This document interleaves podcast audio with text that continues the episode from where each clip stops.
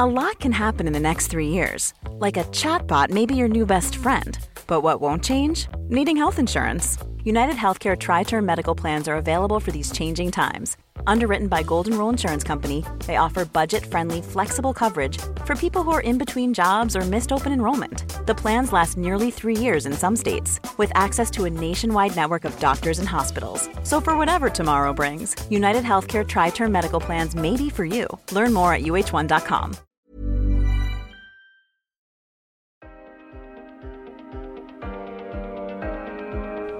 Det är inte så många gator i varje stad som lyser om natten. Det är inte så många gator i stad som lyser om natten. Det är inte så många gator i varje stad som lyser om natten. Men en kicker som du kan väl bygga en annan väg om du får en linjalteckning av mig.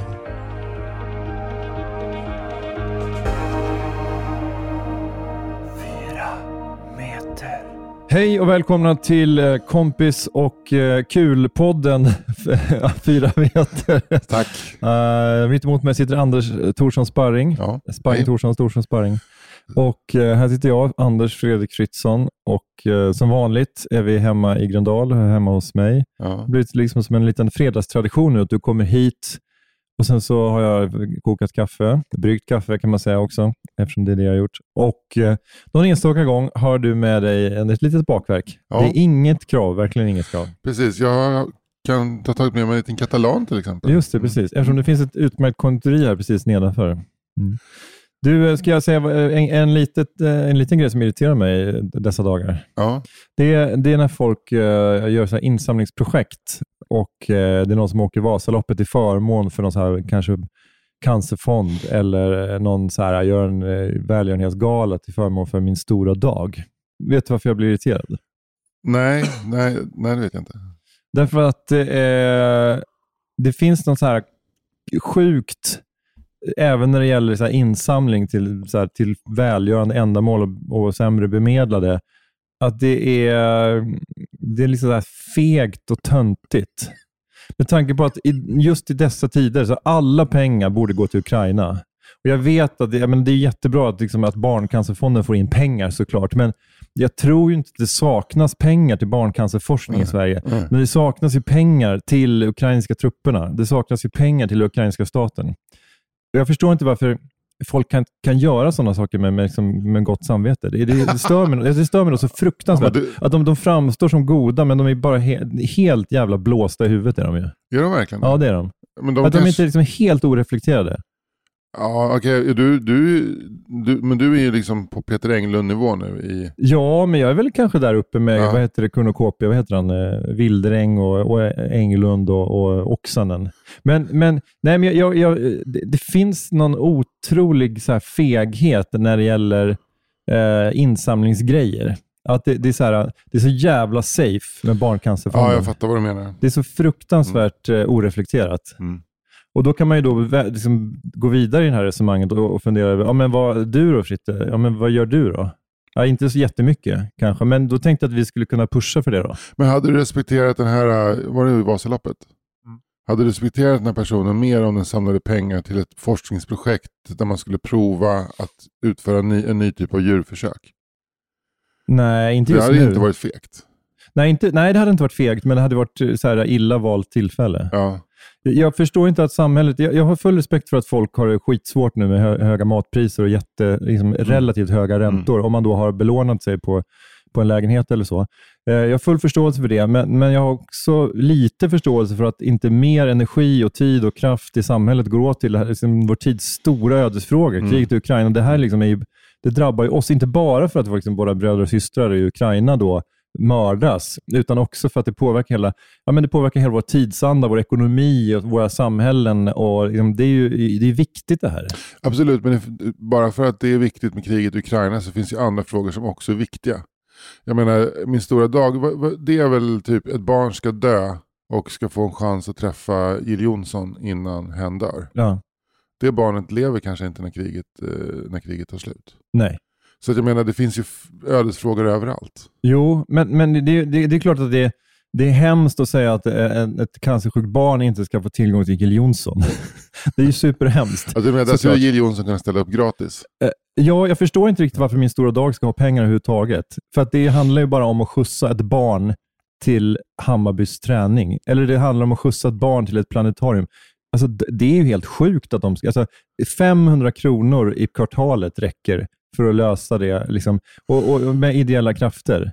Och sen så, jag vet inte riktigt, jag, jag har säkert fel och det kommer kanske någon rättelse från min stora dag, men, men det är någonting sjukt med liksom hur mycket tid och uppmärksamhet den typen av projekt, speciellt riktat mot barn, får i relation till de, de projekten som borde ha pengar precis just nu. Jag menar, jag liksom inte, jag menar inte att Barncancerfonden inte ska få pengar, det ska de ju såklart få, men, men just Barncancerfondens eh, eh, anslag, eller vad ska man säga, deras insamling har ju minskat avsevärt sedan kriget i Ukraina Ja, men det är, väl, det är väl rimligt då, men jag tycker kanske, alltså, vi, vi, kan, vi kan skippa det, liksom just barncancer, för det är så himla eh, behjärtansvärt, men, mm. men för att det är helt uh, orimligt att barn ska behöva dö cancer. Men, men, men hela tidsandan, alltså mm. när liksom, det ploppar upp liksom, olika välgörenhetsgrejer som inte har med Ukraina att göra, så blir jag helt liksom, va, va, va, vilka är ni överhuvudtaget? Nej, det där kan jag inte hålla med om riktigt. Jag, jag, om, om man, det enskilda fallet, när du, du, kan ju, du kan ju sälja in eh, på mig att en stora dag är, är ett ganska tveksamt projekt. Eftersom mm. det, som du säger, det handlar egentligen bara om att sätta en unge i en bil och köra det här barnet till Hammarbys träning. Mm. Och det är då istället för att folk runt omkring ska skänka pengar till min stora dag så skulle min stora dag kunna i all sin altruism då kunna göra det, utföra det lite gratis och må bra. Men min tes, det är en affärsidé. Men min tes är att, alltså, att i våra insamlingsmönster är ju lika så här svenifierade som hela TV4-samhället. Ja. Alltså att, att det, det, är det här liksom mellanmjölkiga, liksom folk som bjuder in varandra till olika soffor. Så här, eh, ointressanta på gränsen till eh, dumma människor som sitter och pratar i olika poddar och det, också, det är samma mönster, upplever jag, som när det handlar om så här äh, insamlingsgrejer och galor. Det är, som, det är minsta motståndets lag, det är minsta gemensamma nämnare. Det får liksom inte ens, det ska stryka medhårs, mm. det är liksom oreflekterat och det är dumt. Bara. Ja, det, ska gå in, eh, det ska inte passera hjärnan, det ska Nej. gå rakt in i magen. Ja, precis. Ja, det ska inte finnas några några spärrar, vad säger man, det, ska, det, ska, det ska inte mm. finnas några gatekeepers i hjärnan som säger app, app, app. Nej, men, men, men alltså bara för liksom att och, tydliggöra, det är ju klart att en person som gör ett stort jobb för att samla in eh, liksom pengar till att eh, neuropsykiatriskt liksom, funktionshindrade barn ska få liksom, en meningsfull fritid. Alltså till exempel Måns Möller, han gör ju den här Viggo Foundation med hans son. Alltså, eller eftersom hans son har autism och jobbar jättemycket med det. Det är självklart att det ska få finnas, men jag, nu, nu, liksom, nu tittar jag på det liksom ur ett samhällsperspektiv. Mm. Alltså bristen för liksom intresse och tid som läggs ner på, eh, på Ukraina. Och det är det ens, är det på riktigt, upplever du att det är en brist av, på intresse för Ukraina? Ja, det, det tycker jag. Du tycker att det har minskat? Ja, alltså jag, kan ju inte, jag kan inte titta på hur mycket folk skänker till Ukraina, men jag, jag, ser, jag har ju liksom i mina flöden, det är ing, alltså förutom Patrik Oksanen på Twitter och, och liksom hela krigstwitter, liksom, det är ju folk, folk pluggar ju ingenting. Folk skriver ingenting. Folk med stora plattformar skriver ju ingenting om skänk pengar till Ukraina. Nej. Det är ju liksom, det är glömt. Vi kan väl säga det till er som lyssnar att, att i avsnittsbeskrivningen till det här avsnittet så kommer det finnas ett antal länkar eh, med hur man kan skänka pengar till Ukraina. Självklart. Ja. Ja. Eh, nej, men jag tycker bara att eh, det känns, jag tycker för svenska folket borde liksom, nu får vi skärpa till oss lite. Ja, ja men eh, för fan. Point made bror. och med det sagt, när vi ändå är inne på avsnittsbeskrivningen, ja. så tänkte jag att vi kan gå in på och plugga våra egna så små uh, ovidkommande grejer som händer i våra liv, ja. som inte har med Ukraina att göra. Är det okej? Okay? Ja. eller, eller, ska vi, eller ska vi, bara, så här, ska vi bara avsluta? Nej, men på ett sätt så, så blir det felaktigt att folk ska lägga energi på oslipat i Malmö. När de kan, varför ska de köpa betala biljettpeng till oslipat när, mm. de kan, när de kan skänka dem sätta den pengar till Ukraina? Så här point, jag, point made bror. Säg, jag älskar att du är i ett hörn nu. Ja. Att, att min stora dag är bara ja. skit, men oslipat igen. Mm. Vi måste, vi, vårt behov av att skratta ja, ja. måste ändå fyllas. Nej, men jag, jag, det är klart att jag också är en hycklare. Men, eh, jag vill, det är vi alla. Ja, men jag vill bara få det sagt. Så. Men, men eh, får, jag, får jag göra reklam för några små grejer då? Ja. petitesser som jag kallar dem. Nej, Eh, men det är den 20 viktigt, viktigt för dig. Vet du vad? Eh, eh, soldaterna i Ukraina slåss för din rätt att köra oslipat. Mm. Så är det. Den här veckan, Mm. veckan då det här ges ut, eh, är vi i Stockholm den 23 mars med eh, den här fantastiska setupen. K. Svensson, Bra. Josefin Johansson, Bra. eh, Johannes Bränning och Desi Hetala. Oj. Och jag är konferencier. Och sen, det är på torsdagen. Och sen på fredagen, då dyker jag upp på Norra Brunn, den anrika stand-up-krogen Norra Brunn på Ja. Surbrunnsgatan. Gammal ölhall. Ja, precis. Kör, kör, när började de köra stand-up på, på Norra Brunn? Ja, men det var väl ska över 80-90-talet? Alltså det är, det är ju 40 år sedan, 35 år sedan. 30, ja, 30 fem- något år sedan. Mm. När Adde Malmberg fortfarande var ung. Ja. Han var yngre än vad vi är nu. Evigt ung skulle jag säga. Det skulle jag inte säga. Nej, Det okej. är ingen. Men, men han var nog yngre än vad vi är nu. Ja. Mm. Ja, betydligt. Mm. det kan man gå på. Vill du plugga någonting? Ja det kan jag göra. Jag kan plugga att min nya bok Mini Knyckers och Silverpokalen är i antågande. Den, den är på väg. Mm. Och jag har redan sagt det tidigare att du som Patreon till den här podden, eh, fyra meter, får köpa den till F-pris. Så skicka den då via, via skicka då ett meddelande till mig via, eh, via meddelandefunktionen i Patreon. Jag har, har redan fått ett antal meddelanden. Och jag säger till er som, som lyssnar och inte har fått svar, jag kommer att svara er alla när böckerna kommer. Mm. Och då kan jag också säga att eh, vi kommer att skänka eh, fem kronor per Patreon till Ukraina. Jättebra. Eh, och inte per ny Patreon utan per Patreon. Mm. Eh, bara så att, eh, så att annars blir det sånt jävla hyckleri. Mm. Att vi sitter och vill ha pengar till våran Patreon Mm. när inte ens min stora dag kan göra det utan att du går i taket. Ja. Men då, då kan jag också gå in med att för varje såld eh, biljett till Oslipat Mm. på torsdag, då måste jag räkna så att det blir rätt där. så då, då går jag in med 10 kronor till Ukraina Ja, eh, ur, ur egen ficka. bra. Eh, Exakt. så, och Så det att här det inte drabbar Marcus. Nej, precis. Marcus, Nej, bara, vad i Marcus, helvete? Marcus är ju på Putins sida tydligen. det är en bra double act i början på showen om Marcus och du. Är precis så här, Ukraina-kriget, pros and cons, Ja. med Marcus Johansson och Fritte Fritzson. Nej, men det hade varit så här, istället för att roasta någon, Ja. alltså man roastar någon, då, då är det ju så här, det är inte för att man hatar den personen, utan för att det är kul med roast. Att Ja. man på något sätt skulle hitta liksom, det roliga i liksom, att någon, så här, någon försvarade Putin eh, i, i, med stand-up. Ja, ja. Men jag tror att, Att det- kanske folk skulle tycka, det, alltså, folk skulle, det skulle krävas en viss typ av publik för att det skulle funka tror jag. En lovebombing-afton i Putins ära. Ja, precis. Vi älskar Putin. Ja, Eh, Pav- eh, eventuellt ironisk stand-up? ja, Frågetecken. ja det. Branne Pavlovic. ja, Ja, I Sandra Ilar. ja. Ja. Det är de två. Ja. alla andra bara- alla K. Svensson. Ja, men han skulle, nog, han skulle nog kunna göra det i alla fall. Special guest Dan Park. Aron Flam kanske skulle kunna klara av det. Ja. Ja. Jag vet inte vad han står, vad står Israel i Putin-frågan? För då, Flam Mm. Har väl kopplat på sig på staten Israel, eller? Mm, han är som en liten, ett litet mikrochip i nacken på Netanyahu. Netanyahu. Netanyahu! Nej, men, eh, men Israel går väl mot en lite eh, illiberal riktning nu. Kan inte du berätta lite för mig vad som händer i Israel? För Ja, det, men jag Israel då, Netanyahu text är av- tillbaka. Liksom. Alltså, så här, han är som en katt. Han har ju nio liv. Nu är han, han- tillbaka igen som Vem är, premiärminister. vem är han i Sverige? Är han, är han eh, liksom Nej, men han är väl... en gam, gam, är han Gösta Boman? Nej, han är väl, han är väl en populist. Alltså, så här, han är väl som Jimmy, fast Richard om, Jomshof? alltså, om du slår ihop Jimmy och, och, och uh, Ulf Kristersson. För att han är ju liksom samtidigt statsmannamässig som Ja. Ulf. Jag säger inte att Ulf är världens största statsman, men, men jag menar? Nej, det Liksom kan en- man inte säga. Mer, mer, han är mer en vanlig politiker. Mm. Men Jimmy liksom är ju liksom alltså en populist som aldrig riktigt har haft makt förrän nu. Men Netanyahu har ju liksom haft ganska stor politisk makt i Israel ganska många år. Mm. Så att det finns kanske ingen så här riktig... eh, Alltså man kan inte säga att ja, men, typ eh, den och den är Sveriges Netanyahu. Det är nog svårt. Synd. Ja. Men, men nu regerar han ju då tillsammans med några riktiga så här rökare, högerkantsextremistpartier, liksom ortodoxa judar och andra extremistpartier. Och, Mm. eh, det är många som, som pekar på att det är liksom, ja, men, eh, ja, men domstolarnas makt minskar. Det, det går lite åt så här Ungern-hållet i Israel, eller riskerar att göra det. Eh, och, eh, så att det, det är frågan om Aron Flam hakar på just den vågen eller om han är liksom mer allmän Israelvänlig. Han är ju libertarian ut i Ja, så så, det låter inte som att han är super Netanyahu. Nej, men däremot så känns det som att många som, som hävdar att de är libertarianer ja, men om är man riktig libertarian, då tycker man ju det är fel såklart, Ja. det som händer i Israel nu. Men, men om man är liksom så här, det finns ju många fake libertarianer som hävdar att de är libertarianer, men som i själva verket är bara som vanliga alt-rightare, Ja, som ändå tycker det är gött med lite hårdare tag. ja.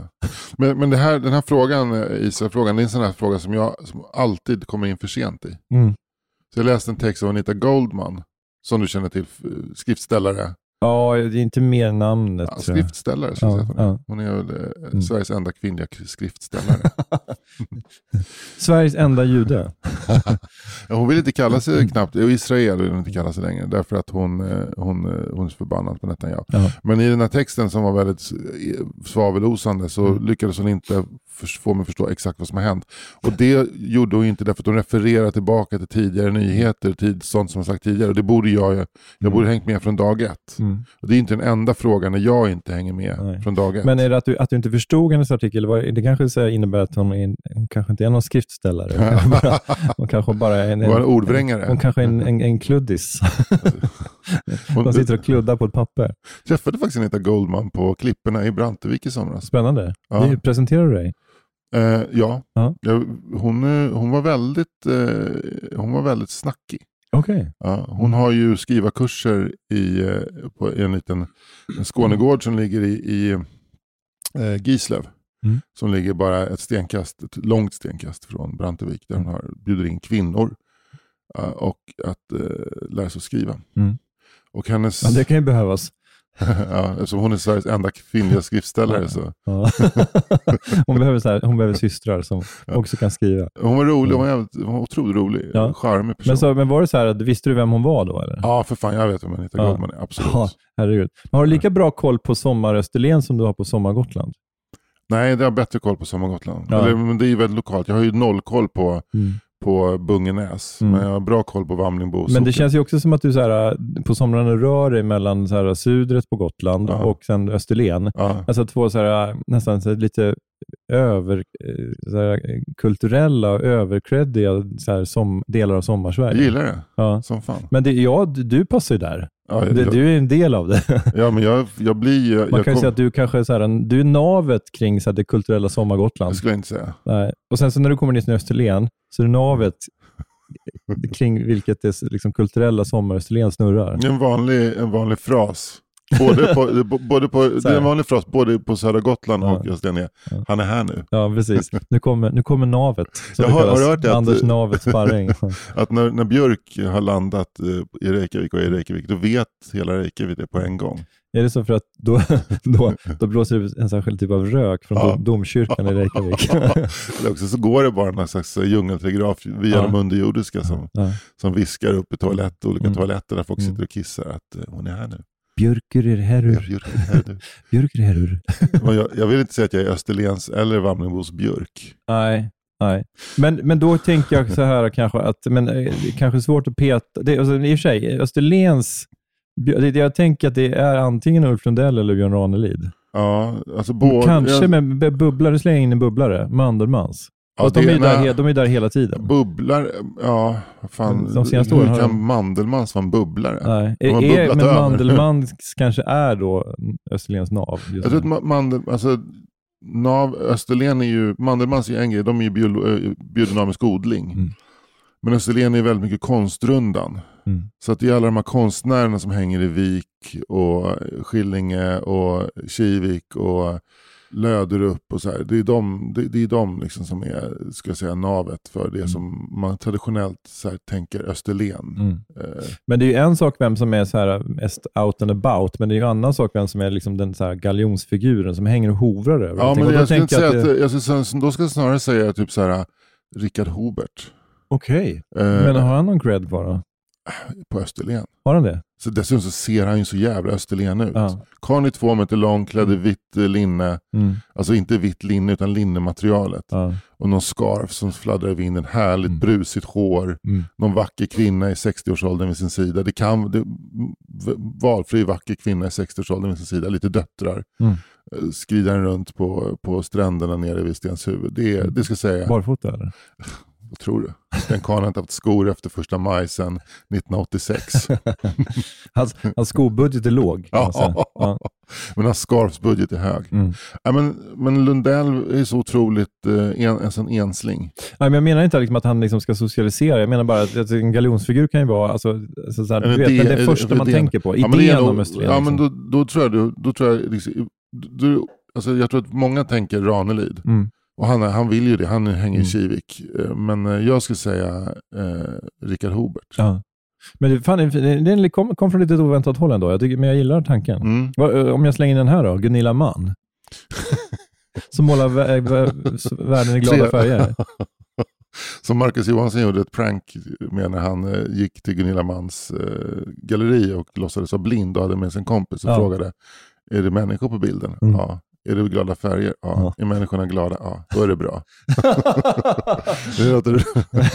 och Gunilla Mann eh, var där väl, eller hur? Ja, Gunilla Mann var där. och, och, och, men, men kanske är den, liksom, kanske 99 procent av eh, Gunilla Mans livsglädje bygger på det där besöket av den här blinda killen. Han har skrivit ditt sommarprat. Ja, verkligen. Jag hade en gång en blind, jag vet inte om hon är mm. stockholmare eller hon, jag hon är stockholmare. Jag hade en gång en blind kille som kom in på galleriet. En gammal tjackis, Gunilla Mann. Jag satt och målade och hörde. Är, är hon Clara Wickholm? Ja. Jag satt och målade och hörde det där klapprandet av blindkäpp mot eh, stengolvet. Uh, och gick ut. Och det stod en blind karl där och frågade, är folk glada på bilderna? Ja, sa hans följare. Då är det bra. Då visste jag att jag var på rätt väg. Det här är, jag heter Gunilla Mann och det här är mitt sommarprogram. Roligt att hon är en gammal tjack. jag har länge försökt att söka upp den här blinda mannen.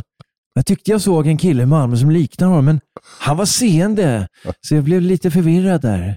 Var det, var det så att eh, ödet hade spelat mig straff, ett spratt? Fanns den blinde mannen överhuvudtaget? Det är bara någonting som jag upplevt i min fantasi. Det spelar mindre roll, för jag är konstnär och jag målar världen i glada färger. Jag heter Gunilla Mann, det här är mitt sommar. Gunilla, du har redan sagt jag heter Gunilla Mann, det här är mitt sommar. Ja, jag vet, men det passar så bra att säga det här också. Jag, jag tror att jag kommer säga, det här är Gunilla Mann, jag heter Gunilla Mann, det här är mitt sommar, efter varje prata. Och kanske också efter vissa låtar, om det är okej. Okay. Det kommer När jag kysser havet med Ulf Lundell. Det här är Gunilla Mann och det här är mitt sommar.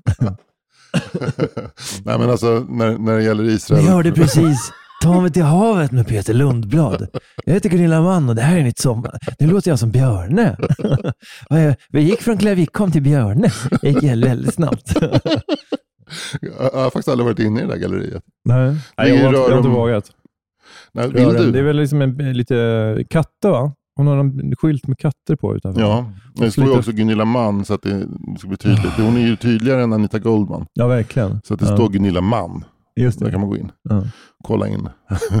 det ligger i, sam, ligger i samma by som Mandelmans håller just, till. Just det, men, rör, men, men eh, galleriet ligger vi längs med vägen. Mandelmans ja. får man liksom svänga in lite. Ja, precis. Fan vad du kan Österlen. Ja, men det tycker jag nog ändå. Jag vill, Södra infarten brukar, ska säga. De brukar säga lite grann att jag är navet kring varpå Sommar-Österlen eh, snurrar. gillar, du, gillar du Österlen? Eh, jag gillar Österlen, men jag har varit där för lite för att verkligen mm. så här, liksom, känna in Österlen. Jag, mm. eh, ja, men jag har någon kompis som har så här, vars mamma hade bed and breakfast i, vid Ravlunda-trakten. Mm. Så där har jag hängt några gånger, firat lite midsommar och sen har man varit på någon konstrunda. Och, så har jag varit lite i Simrishamn och Kivik och mm. sådär. Jo, men jag tycker det är trevligt. Sådär. Men det är väl inte så att jag kanske sådär, att jag lever Österlen. Så. Ryan Reynolds här från Mint Mobile. Med the price of just about everything going up during inflation, we thought we'd bring our prices down. So to help us, we brought in a reverse auctioneer, which is apparently a thing. Mint Mobile unlimited premium wireless. Ready to get 30, 30, bit to get 30, bit to get 20, 20, 20, bit to get 20, 20, bit to get 15, 15, 15, 15 just 15 bucks a month. So, Give it a try at mintmobile.com/switch. slash $45 up front for 3 months plus taxes and fees. Promo for new customers for limited time. Unlimited more than 40 gigabytes per month slows. Full terms at mintmobile.com. This is Paige, the co-host of Giggly Squad, and I want to tell you about a company that I've been loving, Olive and June. Olive and June gives you everything that you need for a salon quality manicure in one box. And if you break it down, it really comes out to $2 a manicure, which is absolutely insane. It's also so easy to get salon worthy nails at home with Olive and June. The difference between how your nails used to look when you did them yourself and now with the Manny system is a complete game changer. The best thing about Olive and June, too, is it's a quick dry. Dries in about one minute, lasts for five days, and full coverage in up to one to two coats. Visit oliveandjune.com slash perfectmanny20 for 20% off your first system. That's oliveandjune.com slash perfectmanny20 for 20% off your first system.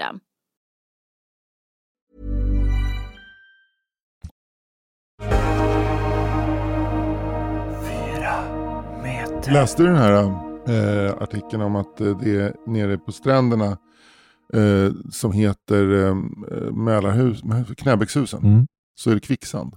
Varning, varning kvicksand. Ja. Det är inte Eh. så ofta som man... Det, det, det, det är oftare man blir påmind om att det finns kvicksand i serietidningar Ja. än i verkligheten. I vilda västern eh, serietidningar, äventyrs. Och, då, och vad gäller? Ja, man ska inte röra sig. Ja, för då sugs man ner. Ja. Men det var några som beskrev att de hade sugits ner till knäna. Liksom. Ja, någon, som hade rid, någon som hade ridit med häst. Ja exakt, det är därför det heter kanske knäböjshus. Ja. någon som hade ridit till häst och de hade fått eh, dra upp hästen, de hade fått vinscha upp hästen. Ja. Så det är, liksom, det är inte något skämt, det är Nej. på riktigt. Ja. Kvicksand. Man vill ju åka dit och testa.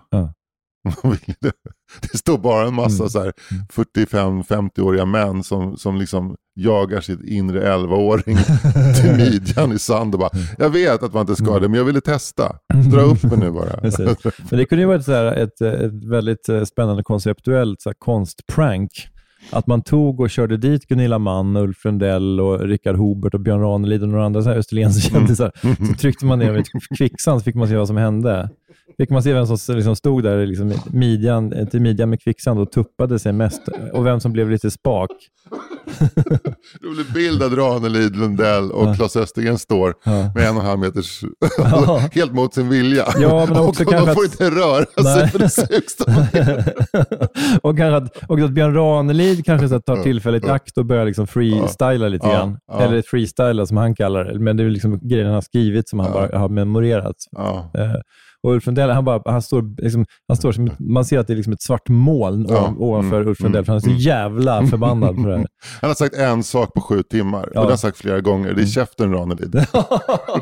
Eller käften Björn kanske. Han kanske är Björn med Ranelid. Eh, men jag, jag tänker mig att den som, som försöker upprätthålla någon slags eh, rest av liksom, civilisation är ändå Claes Östergren. Ja, Claes Östergren är den, Ja. konflikträddaste Jag också. tänker så här att kombinationen konflikträdd, konflikträdd och humanistisk. Mm. Att han, eh, han, han, eh, han försöker liksom konversera. Han försöker så här, bygga grupp.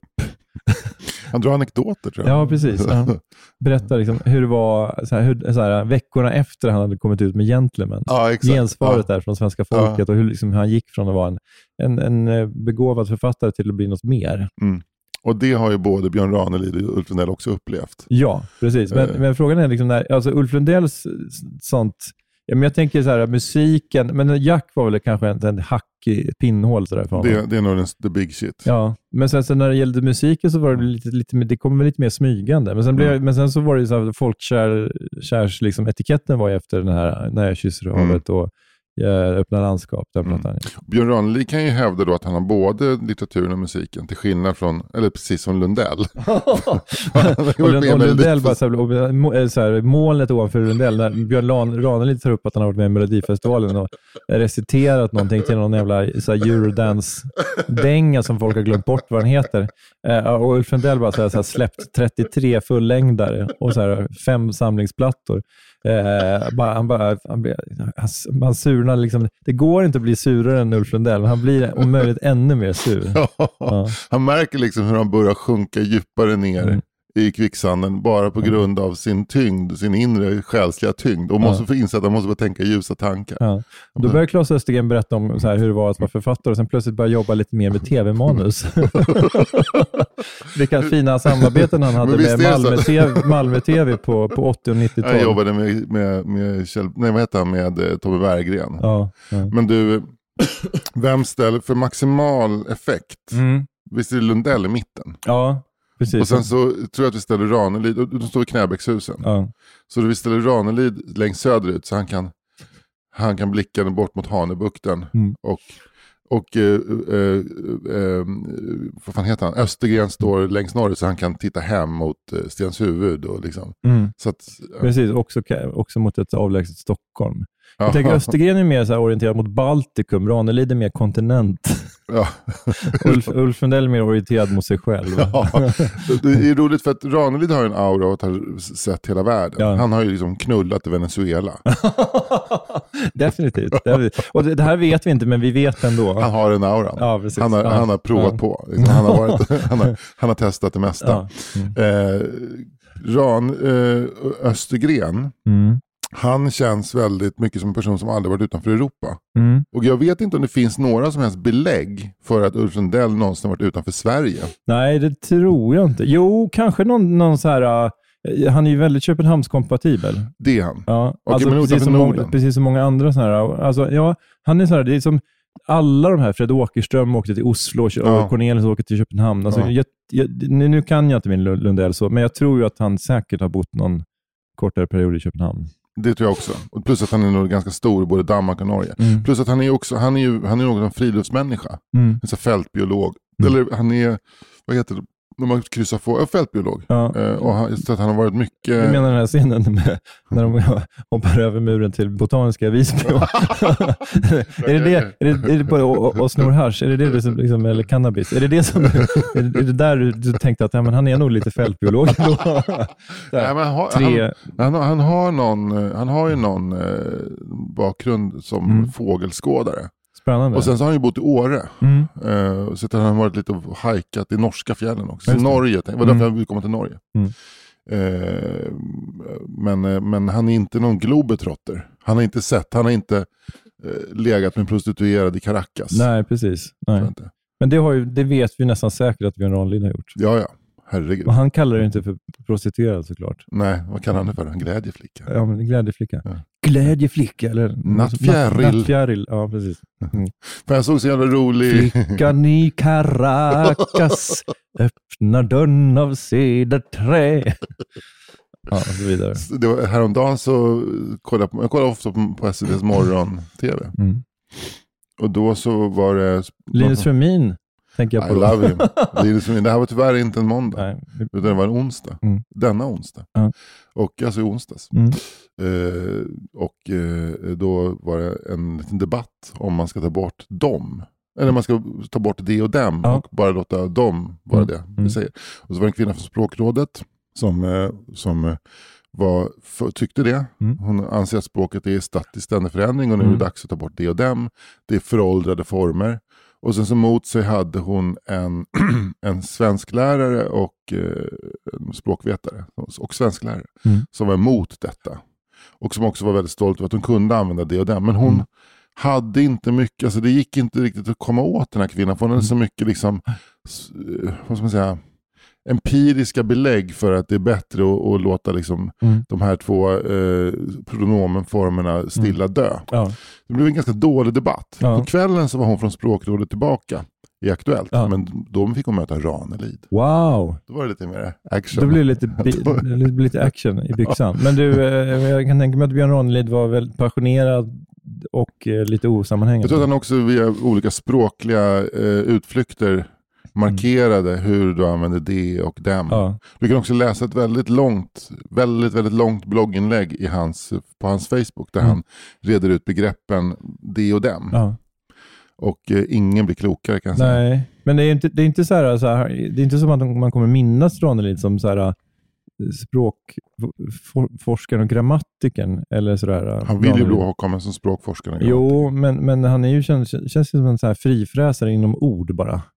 Alltså, det känns också som att Ranelid är på väg att bli lite, lite radikaliserad. Ja.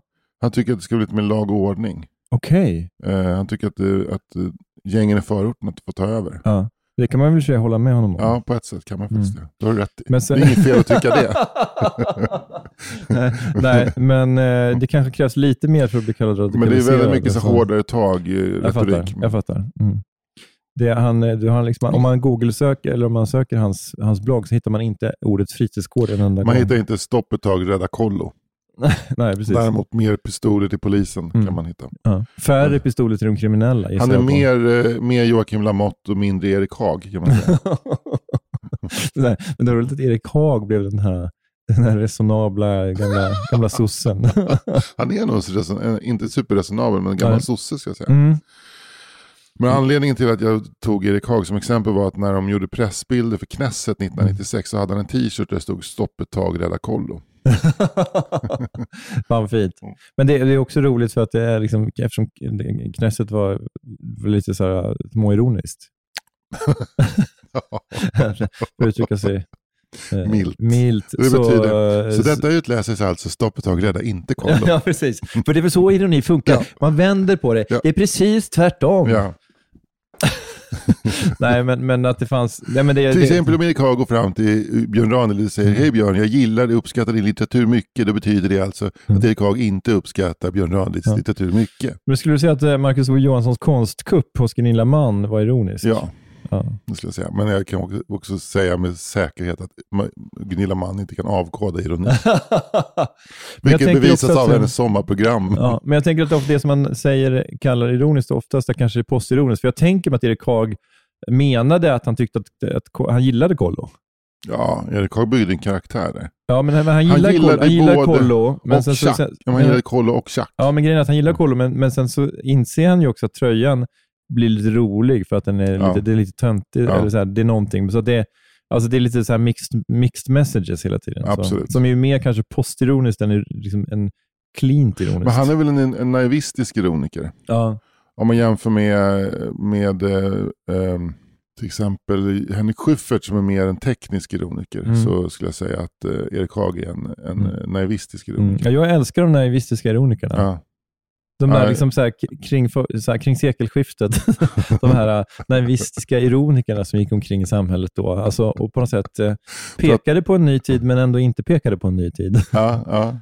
Men du har ingenting till över för de tekniska ironikerna? Eh, De, De de, hade, naturalistiska de, hade, ironikerna. de, hade sin, de tekniska ironiska, ironikerna hade sin plats såklart. Ja. Men, men för mig personligen, de jag får, får ut mest av, Ja. de som jag liksom känner liksom, så här, var mest besjälade och som, som ger mig mest, Ja. det är ju de naivistiska ironikerna. Men känner du till eh, eh, serietecknaren Gunnar Gräs. nej, Jan Schunnesson Eh, som gjorde serien Åke Jävel? Ja, precis. Ja. Eller Olle Berg? Olle. Berg, älskade Olle Berg. Kubistisk ironiker Ja. skulle jag säga att han Jag är. älskade Olle Berg. Ja, Olle Berg var fantastisk. Men Ja. var inte det någon tidig, en tidig förstadie till, alltså mellan raderna humor? Mm. För ironi bygger ju rätt mycket på liksom att vi uppfattar, mellan, det- är en humorform som vill få oss att titta mellan raderna. Mm. Kommer du ihåg hans album Sen? Eh, Nej, Olle Bergs ja, det album kanske jag Sen. gör, men, men Eh, det, var, jag tyckte, det- var nog det seriealbum som jag läste mest under 80-talet. Väl. Den kom väl kanske, 80, det måste ha kommit 80-tal. Ja. Älskade den. Mm. Ja, men det var, det var fruktansvärt roligt. Mm. Jag var ju mer en, en jag, jag var kanske mer lagd åt ett rakare humorhåll. Ja. Jag läste ju eh, Kryssmarodören av Joakim Ja. Lindgren. Ja, men Lindgren var bra. Men däremot så både Åke Jävel och men även Klas Katt och Olle Ångest tyckte, Ja. jag, tyckte jag var sög. Tyckte du inte om Åke Jävel? Nej, Jag nej. älskar Åke Jävel. Nej, Åke Jävel gillar jag inte och Klas Katt gillar jag heller inte. Gjorde du inte? Nej. Världen är full av idioter. Idiot. Ja, men den är bra. Den är bra. Men Ja. jag tyckte att det var, det var för det är liksom hela den liksom, eh, universat var liksom för poserande. Ulf Lundqvist då? Eh, Assar? Ja. Nej, Gillar inte? nej. Alltså, jag, jag, gillar ingen som heter Lundqvist som tecknade serier. Vilken? han med, vad heter han? Janne Lundqvist? Alltså vadå, gillar du inte Johan Wilde-serien? Jo, de gillar jag. Men, Om du säger att du inte gillar någon som heter ja, Lundqvist. okej, jag, tar, jag, tar, jag gillar bara en som heter Lundqvist. Är det- han som tecknade Klas Katt heter väl också Lundqvist? Tror jag. Ja, det gjorde han ja. Ja. Men det var, det var ju en jävla överrepresentation av Lundqvistar Ja. inom svensk seriekonst på 70 och 80-talen. Undrar, om man kan liksom tråda sig tillbaka till, till Ja. den slumpen. Och sen hade du mitt i allt det där Janne Lundqvist, gamla tennisspelaren. Janne Ja. Lunkan Lundqvist, Ja. Som, som nu driver tennishall på Kungsholmen. Just det. Som ju heter Stockholms tennishall, men som alla kallar Lund, Lund, Janne, Janne Lundqvist tennishall. De förenas väl i det att de alla i skolan har kallats Lunkan. Ja, men och det, det är ju där, jag vet inte om vi har pratat om det i on air eller off air, men det, du, du och jag ska ju, ska ju gå och spela tennis på Janne Lundqvists tennishall. Du måste få, jag måste få ett handikapp känner jag. Ja, Typ men att det- du spelar med vänster hand eller något. Men jag, ja, du ska få det här handikappet. Ja. Först går vi och käkar eh, starkölslunch. Jag tar tre starköl. Jag tar bara en. Ja, och sen spelar vi tennis. Jag kan få en hjärtinfarkt. ja, men det är inget mot vad jag kan få efter tre starköl. Och sen, eh, sen, ska, jag- sen ska jag serva. Ställningen, Satan, ställningen, vad du är är, ställningen är 6-0, f- 5-0 till dig. alltså, jag är ju eh, ganska medioker på tennis. Ju. Ja, men det, är- det är nog ingenting. Det, enda, så det är liksom som att, så här, eftersom min fru är så relativt bra på tennis, Mm. alltså hon är ju riktigt duktig på tennis, Mm. så känns det som att på något sätt, du tänker att det spiller över lite på mig, men det gör det inte. Alltså Det, det finns liksom det- ingen ep- epigenetisk så här, överföring av tennisanlag från henne till mig. Men det går, det går någon slags linje i mitt liv där jag har olika kompisar som jag ska spela något mot. Och att jag blir jävligt dåligt humör när jag torskar. Okej. För att de visar sig vara så jävla mycket bättre. Ja, okej. Och att jag, jag, kan, jag kan vara på dåligt humör på ett sätt som gör Mm. att när kompisen börjar sänka sin niv- nivå för att få mig på gott humör. Det kan hända. Ja, men, men eh, Ja, du kan bara säga så här, men kom igen, titta på bollen då. Mm. Försök att placera kroppen rätt. Ja, men Mm. sa jag inte att du skulle genomföra, du kan också bli på dåligt humör för det blir inget spel. nej, ja. Det kan bli riktigt, och särskilt efter tre starköl. Ja. Men det är kanske är vi som stänger Janne Lundqvists tennishall. det, är så här, det var två gubbar som spelade tennis. Det, det var så dåligt så att um, Stockholms stad gick in och stängde hallen direkt. Det var någon hälsovårdsinspektör som bara sa att det här är, o- är det är otjänlig för, för, för både sport och, och fiket för Men, stänga vore också. en, men jag, jag kommer ju ringa Janne, eh, David Schutrik och ta tio tennislektioner hos honom innan den här matchen. Okej, och ni är gamla dagiskompisar? ja, så att, Han, han, ni hade barn på dagis ja, vi hade så? barn på dagis. Ja. Plus att han ingick i någon slags eh, 90-tals eh, liksom folk som rörde sig runt Södermalm på 90-talet. Så Mm. Jag kände honom innan också. Men, eh, och han är barn, också i barn-tv-branschen. Så jag har det. jobbat med David Schutrik ja. Och, och han är, är tennisspelare? Han är tennistränare. Okej, Mm. coolt. Mm. Och, eh, Kompis med bröderna Rongedal. Just det, för de är från Värmland. Ja, samma by. Ja. Molkom va? ja, det kan nog vara Ja, Molkom. Ja. ja. Frågan är om, om, om hur det skulle gå om du och jag mötte bröderna Rångeldal i en dubbel. Ja, och så och ingen av oss fick ta några fusklektioner av David Schutrik. Nej, men de har ju redan tagit ett antal lektioner. Säkert. Säkert. Ja. Ja. Känner du dem eller? Eh, ja, de är fältartister. Just det, så är det. Så att jag eh, har eh, till och med showat med bröderna Rångeldal. Du har det? Ja. Ja. Men vad har du en uppfattning om deras, liksom, sports, deras bollsinne?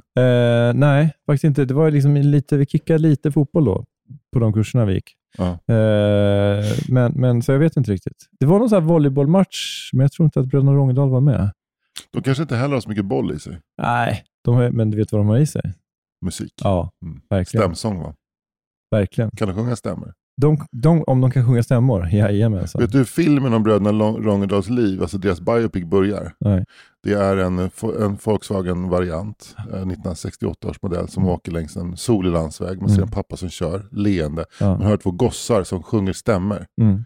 Och sen så backar man, så, så Mm. bara panorerar man så ser man de här två lin, flintskalliga barnen. Precis, med lite pipskägg. och långa Med lite pipskägg och glasögon.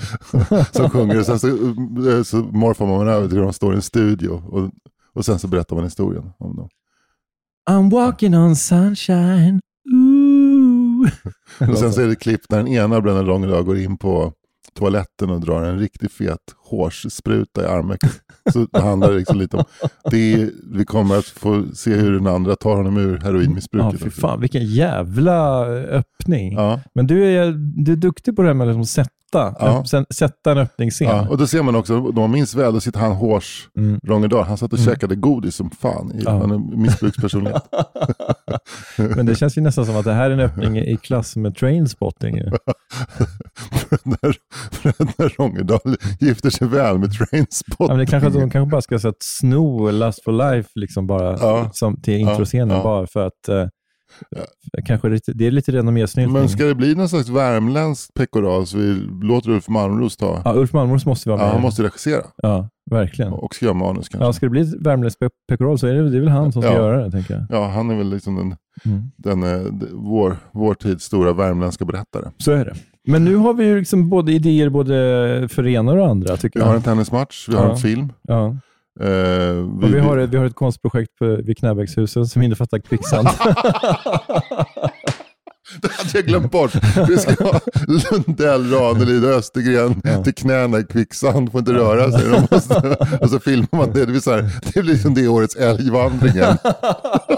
Har du kollat på? Det är, det är ett fantastiskt projekt som, som vi hoppas att någon genomför någon gång. Det vet, vet inte riktigt. Men nu med det sagt, Anders, eh, stort tack för idag. Stötta oss gärna via patreon.com 4 meter. Ja. Du som Patreon kan också köpa min eh, nya bok Familjen Knyckertz och Silverpokalen. Mm. Som faktiskt går ut i en lite extra stor upplaga den här gången vill jag skrytsamt Fan, berätta. Ja. Eh, till eh, F-pris. Och Mm. då får du också en vitsig, eh, vitsig dedikation. Du kan få den på svenska eller polska.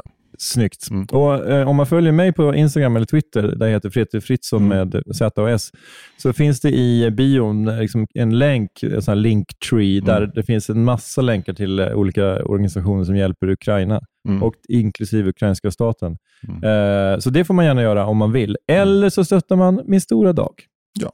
Och med Det- det sagt, Slavi Ukraina. Ukraini. Planning for your next trip? Elevate your travel style with Quince. Quince has all the jet setting essentials you'll want for your next getaway, like European linen, premium luggage options, buttery soft Italian leather bags, and so much more. And is all priced at 50 to 80% less than similar brands. Plus, Quince only works with factories that use safe and ethical manufacturing practices. Pack your bags with high-quality essentials you'll be wearing for vacations to come with Quince. Go to quince.com slash pack for free shipping and 365-day returns. Mom deserves the best, and there's no better place to shop for Mother's Day than Whole Foods Market. They're your destination for unbeatable savings, from premium gifts to show-stopping flowers and irresistible desserts. Start by saving 33% with Prime on all body care and candles. Then get a 15-stem bunch of tulips for just $9.99 each with Prime. Round out Mom's menu with festive rosé, irresistible berry chantilly cake, and more special treats. Come celebrate Mother's Day at Whole Foods Market.